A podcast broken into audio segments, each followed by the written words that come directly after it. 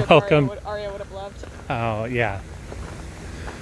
Welcome to Presidential Deathmatch, uh, the only presidential podcast that doesn't edit any moment from this particular episode since we are out in the field. Uh, as you may may guess, the Zordon episode is going to be still delayed several weeks. Uh, some life things have gotten in the way. But we have presidential deathmatch correspondent, archival correspondent Jessica Kelly Garrett with us and we are investigating the home of the biggest presidential loser, perhaps in American history, Jefferson Davis, at Beauvoir in Biloxi, Mississippi. Uh, Jessica, how would you categorize our visit to Beauvoir so far? Derelict. Yeah. Uh, as as we learned, we were hoping to have a historical house tour, right? That's why we chose this one. But as it turns out, Hurricane Katrina ripped through Biloxi, Mississippi, which I knew, and destroyed a lot of the original artifacts of, of the home. So the outside of the home looks like a flood home, I would say, right? The house itself is still standing. And a lot of the original artifacts have been destroyed, and those that haven't been destroyed have mostly been sent to other museums and universities in order to preserve uh, the life of them. So the museum itself doesn't have a whole lot in it.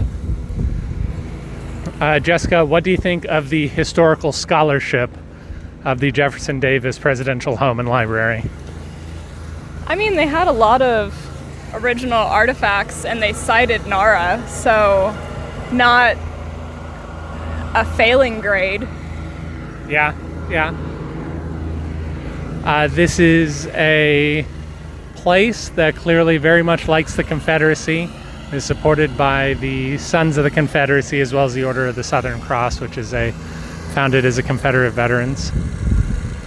Uh, they uh, they really have a hard time thinking that anything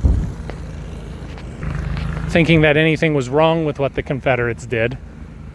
I don't think they think that they thought. I don't think they think anything was wrong with what the Confederates did. Is Yeah. what I gathered from that museum. That that is true. I don't. Uh, I, I don't think they have a hard time not saying that because I don't think they think that. Can you tell us a little bit about the word choices they used? No. No. Okay. Well, they would say things like uh, the the war between the states. They very frequently. I mean, they use all of the lost cause.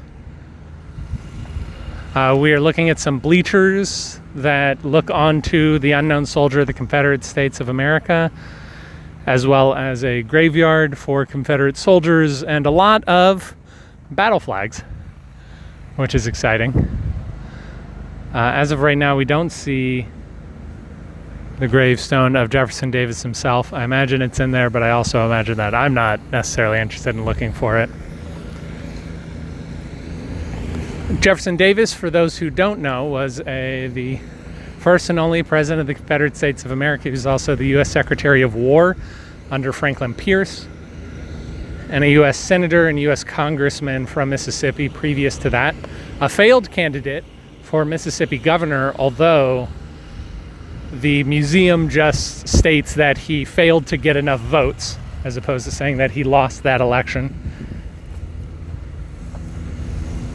Uh, overall, I, I do think it's uh, a museum you can miss, uh, but perhaps not the worst $25 I have ever spent.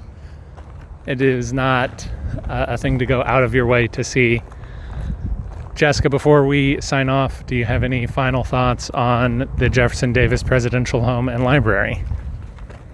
Yeah, I mean, I wouldn't say it's a total miss. I they have a presidential library, and I I appreciate supporting libraries. So I would say support all libraries.